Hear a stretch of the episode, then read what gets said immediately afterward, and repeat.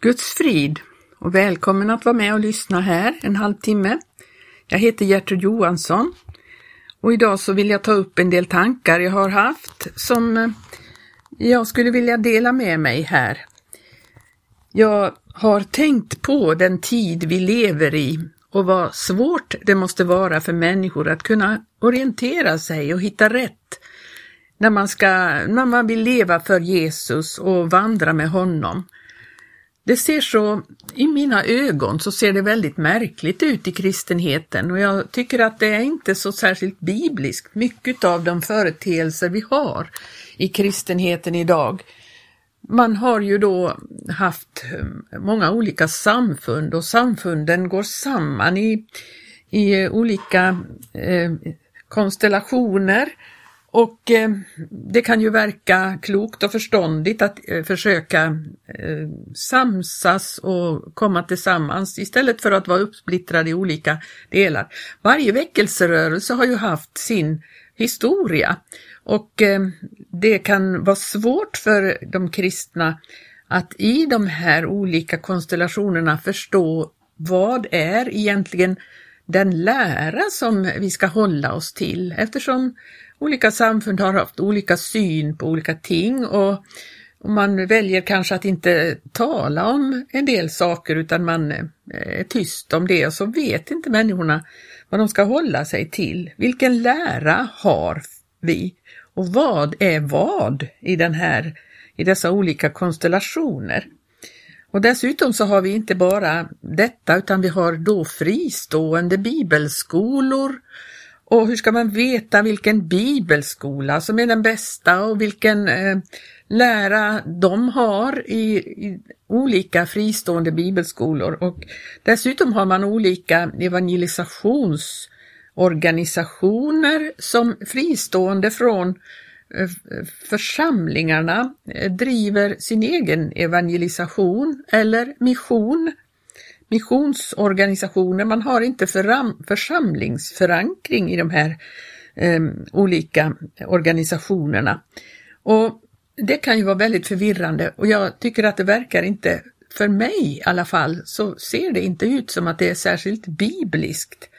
För att eh, allting måste ju finnas i församlingen och församlingen, det är ingenting som en människa kan starta eller, utan det är någonting som föds fram. Församlingen blir ett Guds verk och där i borde allt detta finnas. Det borde finnas eh, undervisning, regelbunden och eh, systematisk undervisning i alla de olika ämnena så att alla som är med där vet vad läraren säger och vad, eh, vad som gäller. Och likaså så borde all mission och evangelisation vara en naturlig del utav församlingslivet. Och dessutom så eh, tror jag, eller jag har förstått det så att det ska inte vara kategoriklyvningar, att de unga har sin värld för sig i församlingen och de äldre har sin värld för sig och barnen har sin värld för sig, utan allt detta ska vara integrerat med varann så att alla har gemenskap i församlingen, unga som gamla, och det kan finnas eh, en rikedom i detta att alla, var och en, eh, har, får det de behöver i det naturliga eh, livet i församlingen. Jag ska läsa börja med att läsa i Andra Timotebrevets tredje kapitel. Där står det så här. Jag läser ur folkbibeln här nu. Det ska du veta att i de sista dagarna ska det komma svåra tider. Människorna kommer att älska sig själva och vara penningkära, skrytsamma, stolta, hånfulla, olydiga mot sina föräldrar, otacksamma och gudlösa, kärlekslösa, oförsonliga, skvalleraktiga, obehärskade, råa, fientliga mot det goda, falska, egensinniga och högmodiga. De ska älska njutning istället för Gud och ha ett sken av Guds fruktan men förneka dess kraft. Håll dig borta från dem. Bland dem finns sådana som smyger sig in i hemmen och snärjer svaga kvinnor som är tyngda av synder och drivs av många slags begär och som ständigt undervisas men aldrig kan komma till insikt. Liksom Jannes och Jambres satte sig upp emot Mose, så står dessa män emot sanningen. De är människor med, med ett fördärvat sinne och deras tro håller inte provet. Men det kommer inte längre att ha någon framgång. Deras galenskap ska bli uppenbar för alla, liksom fallet blev med Jannes och Jambres. Men du har följt mig i lära och liv, i föresats och tro, i tålamod, kärlek och uthållighet under de förföljelser och lidanden som drabbade mig i Antiochia, Ikonium och Lystra. Vilka förföljelser har, inte, har jag inte fått utstå och ur alla har Herren räddat mig. Så kommer också alla de som vill leva gudfruktigt i Kristus Jesus att förföljas. Men onda människor och bedragare ska göra framsteg till det sämre. De bedrar och blir själva bedragna. Men håll fast vid det som du har lärt dig och blivit överbevisad om. Du vet av vilka du har lärt dig och du känner från barndomen de heliga skrifterna som kan göra dig vis så att du blir frälst genom tron i Kristus Jesus. Hela skriften är utandad av Gud och nyttig till undervisning, till bestraffning, till upprättelse och till fostran i rättfärdighet, för att gudsmänniskan ska bli fullt färdig, väl rustad för varje god gärning. Och här läser vi om hur det är, hur människorna ska vara i de sista dagarna och jag tror att väldigt mycket av det här finns också inom kristenheten i församlingarna, vilket gör att det blir en väldig röra och väldigt svårt att orientera sig för människorna idag. Vi lever ju i en svår tid. Det är mycket stress idag på många sätt. Det finns ett överflöd på stimulans. Man tänker på internet och kommunikation, sociala medier. Det är en stress också eh, att eh, hålla sig Eh, Eh, med, sina, med, sina, med sin omgivning, vad man ska ha för eh, status bland de man känner, sina vänner och sina, eh, ja, sina bekanta. Och det finns ett överflöd på stimulans genom allt detta som vi har idag, vilket gör det väldigt, väldigt svårt att höra Guds röst. Och så är man då påverkad av all den här röran i församlingarna där man kanske till och med undviker att undervisa om vissa saker för att inte splittra, man är så rädd om enheten. Och Det här gör ju att det blir väldigt svårt för en människa att hitta rätt. Hur ska man hitta rätt? Vilken församling ska man gå till och vilken bibelskola ska jag välja om jag vill börja Eh, komma längre i Guds, eh, Guds ord och lära mig och växa i, i nåd och sanning. Ja, hur ska man veta vart man ska ta vägen? Och vill man då hjälpa till? Vill man, känner man att man vill vara med och evangelisera eller missionera? Ja, vilken organisation ska jag ingå i? Var ska jag vända mig? Hur ska det vara? Och det räcker liksom inte med den lilla församling jag kanske tillhör utan då måste jag söka mig till de här olika organisationerna. Vilket är så fel enligt Guds ord. Guds ord lyfter fram församlingen. Där finns det som Gud har ehm, förordnat. Vi kan läsa i Efesierbrevet 3 från tionde versen. Ty Gud ville att hans mångfaldiga visdom, nu läser jag ju 17 års översättning, nu i och genom församlingen skulle bli kunnig för furstarna och väldigheterna i den himmelska världen. Sådant hade hans beslut varit från tidsåldrarnas begynnelse, det som han utförde i Kristus Jesus, vår Herre. Och då kan man fortsätta där i fjärde kapitlets första vers. så förmanar jag nu er, jag som är en fånge i Herren, att föra en vandel, alltså en livsstil, som är värdig Herren, värdig den kallelse ni har undfått, står det, med all ödmjukhet och allt saktmod, med tålamod så att ni har fördrag med varandra i kärlek och vinnlägg er om att bevara Andens enhet genom fridens band. Här ser vi ju att det handlar om relationer människor emellan. Eh, om man knappt känner dem som går i, på mötena i församlingen, då kan man ju inte ha denna relation. Men här handlar det om att man ska ha tålamod och saktmod och ha fördrag med varandra. Och så står det att man ska vinnlägga oss om att bevara Andens enhet. Alltså anden är ju enig. Har man samma ande så finns det ju en enhet i detta. Vi behöver inte skapa en enhet, men vi ska bevara den andens enhet som finns i dem som är födda på nytt och är fyllda av Guds ande. Eh, och då står det vidare, en kropp och en ande, liksom ni också blev kallade till att leva i ett och samma hopp, det som tillhör er kallelse.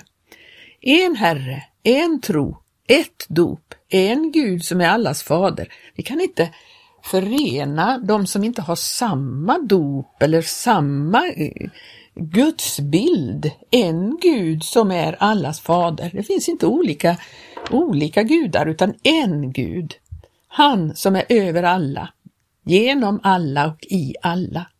Men åt var och en särskild av oss blev nåden given allt eftersom Kristus tillmätte honom sin gåva. Därför heter det, han for upp i höjden, han tog fångar och gav människorna gåvor. Men detta ord han for upp, vad innebär det om inte att han förut hade farit ner till jordens lägre rymder? Den som for ner, han är också den som for upp över alla himlar för att han skulle uppfylla allt. Och så kommer det, Ja, han gav oss somliga till apostlar, somliga till profeter, somliga till evangelister och somliga till herdar och lärare.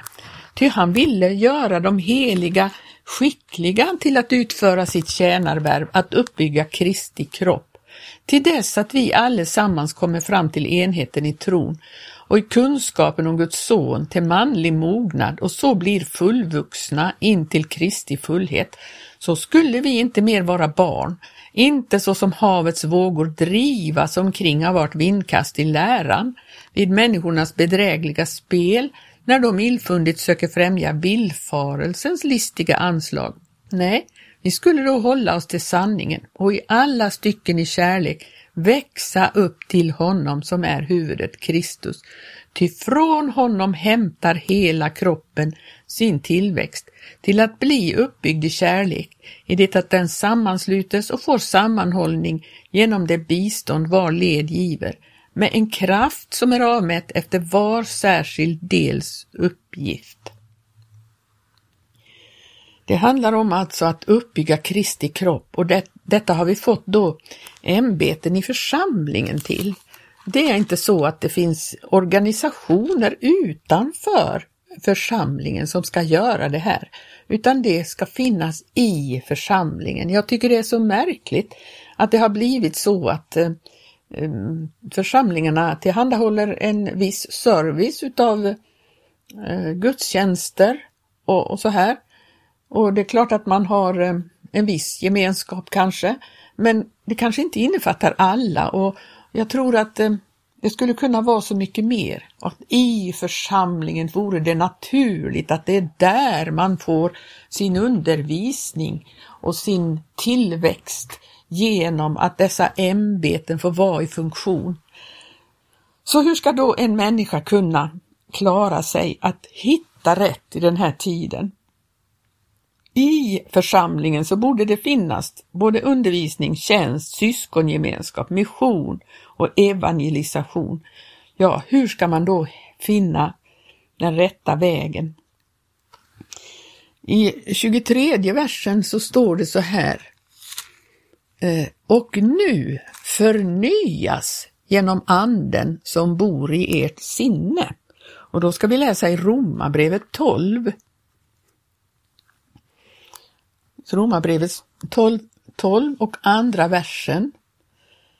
Och så står det där, och skicka er inte efter denna tidsålders väsen utan förvandla er genom ert sinnes förnyelse så att ni kan pröva vad som är Guds vilja och vad som är gott och välbehagligt och fullkomligt. Ja, hur kunde jag komma in på det nu? Jo, men det handlar om att vi måste kunna renas i våra sinnen och förnyas i våra sinnen så att vi kan, eh, vi kan genom detta mer och mer förstå vad som är Guds vilja och hur Guds tanke är och vad Guds vilja är avseende mitt liv, vart jag ska gå, var jag ska vara någonstans och hur jag ska tjäna honom genom sinnesförnyelsen. Förvandla er genom ett sinnes förnyelse. Du och jag har möjlighet att, att eh, förnyas i våra hjärtan och våra sinnen genom att ta emot det som kan rena våra hjärtan och sinnen. Och det handlar ju om att vi, man tänker sig sinnet, hur, hur gör man det? Rena era själar i lydnad för sanningen, står det i, i första Petri brev. Jag ska slå upp det. Första Petri brevs första kapitel och 22 versen. Rena era själar i lydnad för sanningen till oskrymtad broderlig kärlek och älska varandra av hjärtat med uthållig kärlek. Här har du ett svar. Att har du en syskongemenskap någonstans så kan du genom att rena din själ i lydnad för sanningen komma fram till det här till oskrymtad broderlig kärlek. Du behöver inte spela kärlek till dina syskon i Herren. Den kommer där om du renar din själ i lydnad för sanningen och älska varandra av hjärtat med uthållig kärlek. Alltså det handlar ju om en hjärtats kärlek till varandra som skapar denna enhet, denna eh, ja, denna fördjupade syskongemenskap som gör att man håller sig till varandra. Man håller samman utav kärlek som de första kristna gjorde. Och då skapas det en församling utav människor som älskar varandra. Och då är det någonting som Gud gör i hjärtat. Gud gör det med dessa syskon och de som man tillsammans växer tillsammans med. Och, och så får Gud eh, ja, förordna denna, denna syskongemenskap till att bli någonting mycket mer än, eh, än vad vi någonsin har kunnat tänka oss eh, genom de organisationer som människor har. Man har de missionsorganisationer, man har eh, evangelisationsorganisationer. Man har organiserat församlingen på ett mänskligt sätt, med en mänsklig tanke. Nej, här handlar det om att följa Guds ord, att rena sin själ i lydnad för sanningen. I Kolosserbrevets eh, första kapitlet eh, så står det så här i nionde versen. Paulus hade fått höra om det som hade börjat hända i Kolosse att de hade, eh, de hade, de hade fått höra sanningens ord och då hade det hänt någonting där ibland dem, någonting hade börjat växa. Och så står det så här i nionde versen, allt ifrån den dag då vi fick höra härom har vi därför å vår sida inte upphört att bedja för er och bönfalla om att ni må bli, må bli uppfyllda av kunskap om Guds vilja i allt slags andlig vishet och andligt förstånd. Så ska ni kunna föra en vandel, alltså en livsstil, som är värdig Herren, honom i allt till behag och genom kunskapen om Gud bära frukt och växa till i allt gott verk. Och genom hans härliga makt ska ni på allt sätt uppfyllas av kraft till att bevisa ståndaktighet och tålamod i allt och ni ska med glädje tacka Fadern som har gjort er skickliga till delaktighet i den arvslott som de heliga har i ljuset. Ty han har frälst oss från mörkrets välde och försatt oss i sin älskade Sons rike.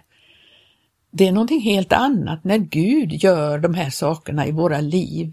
Och det handlar ju faktiskt om, det, det grundar sig i alltså vår kärlek till honom själv till vad han har gjort i våra liv. Församlingen ska ju vara sanningens stödjepelare och grundfäste. Och där så undervisar Paulus Timoteus om i första Timoteusbrevets ja, de kapitlerna där i tredje kapitlets 15 och 16 versen, så står det om detta med att församlingen är sanningens stödjepelare och grundfäste. Och så undervisar han Timoteus om hur man bör förhålla sig i denna församling. Och det, det grundar sig i att man har fått en, en väldigt personlig kärlek till Jesus Kristus som har kallat oss till sitt underbara rike. Och finner man då syskon som har samma strävan, samma vilja och, och komma vidare och lära sig mer, ja men då finner man en gemenskap och denna gemenskapen kan fördjupas när vi vandrar tillsammans och sluts tillsammans i kärlek och växer upp till honom som är huvudet. Jag ska avsluta den här dagen med att läsa lite ur eh, psalm 119 som handlar om saligheten i att vandra efter Guds ord. Och jag tror att varje person som verkligen har mött Jesus kan hitta rätt också i vår tid, bara man fortsätter med att vandra i den kärlek som Gud lägger ner i hjärtat, när vi söker honom, när vi förnyas i vårt sinne, när vi sysslar med det som hör anden till, för anden bor i vårt sinne. Då kan vi komma rätt också i den här tiden. Det står i psalm 119 från första versen. Saliga är de, vilkas väg är ostrafflig, de som vandrar efter Herrens lag.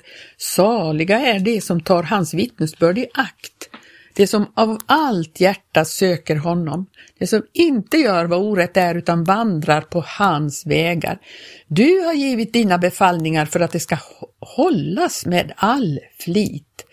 O, att mina vägar vore rätta så att jag hölle dina stadgar. Då skulle jag inte komma på skam när jag skådade på alla dina bud. Jag vill tacka dig av uppriktigt hjärta när jag får lära din rättfärdighetsrätter. Dina stadgar vill jag hålla, övergiv mig icke så helt och hållet. Där stannar vi idag och så ber jag Gud att välsigna er alla som har lyssnat och så får vi fortsätta tänka på de här sakerna och begrunda detta som jag har sagt idag.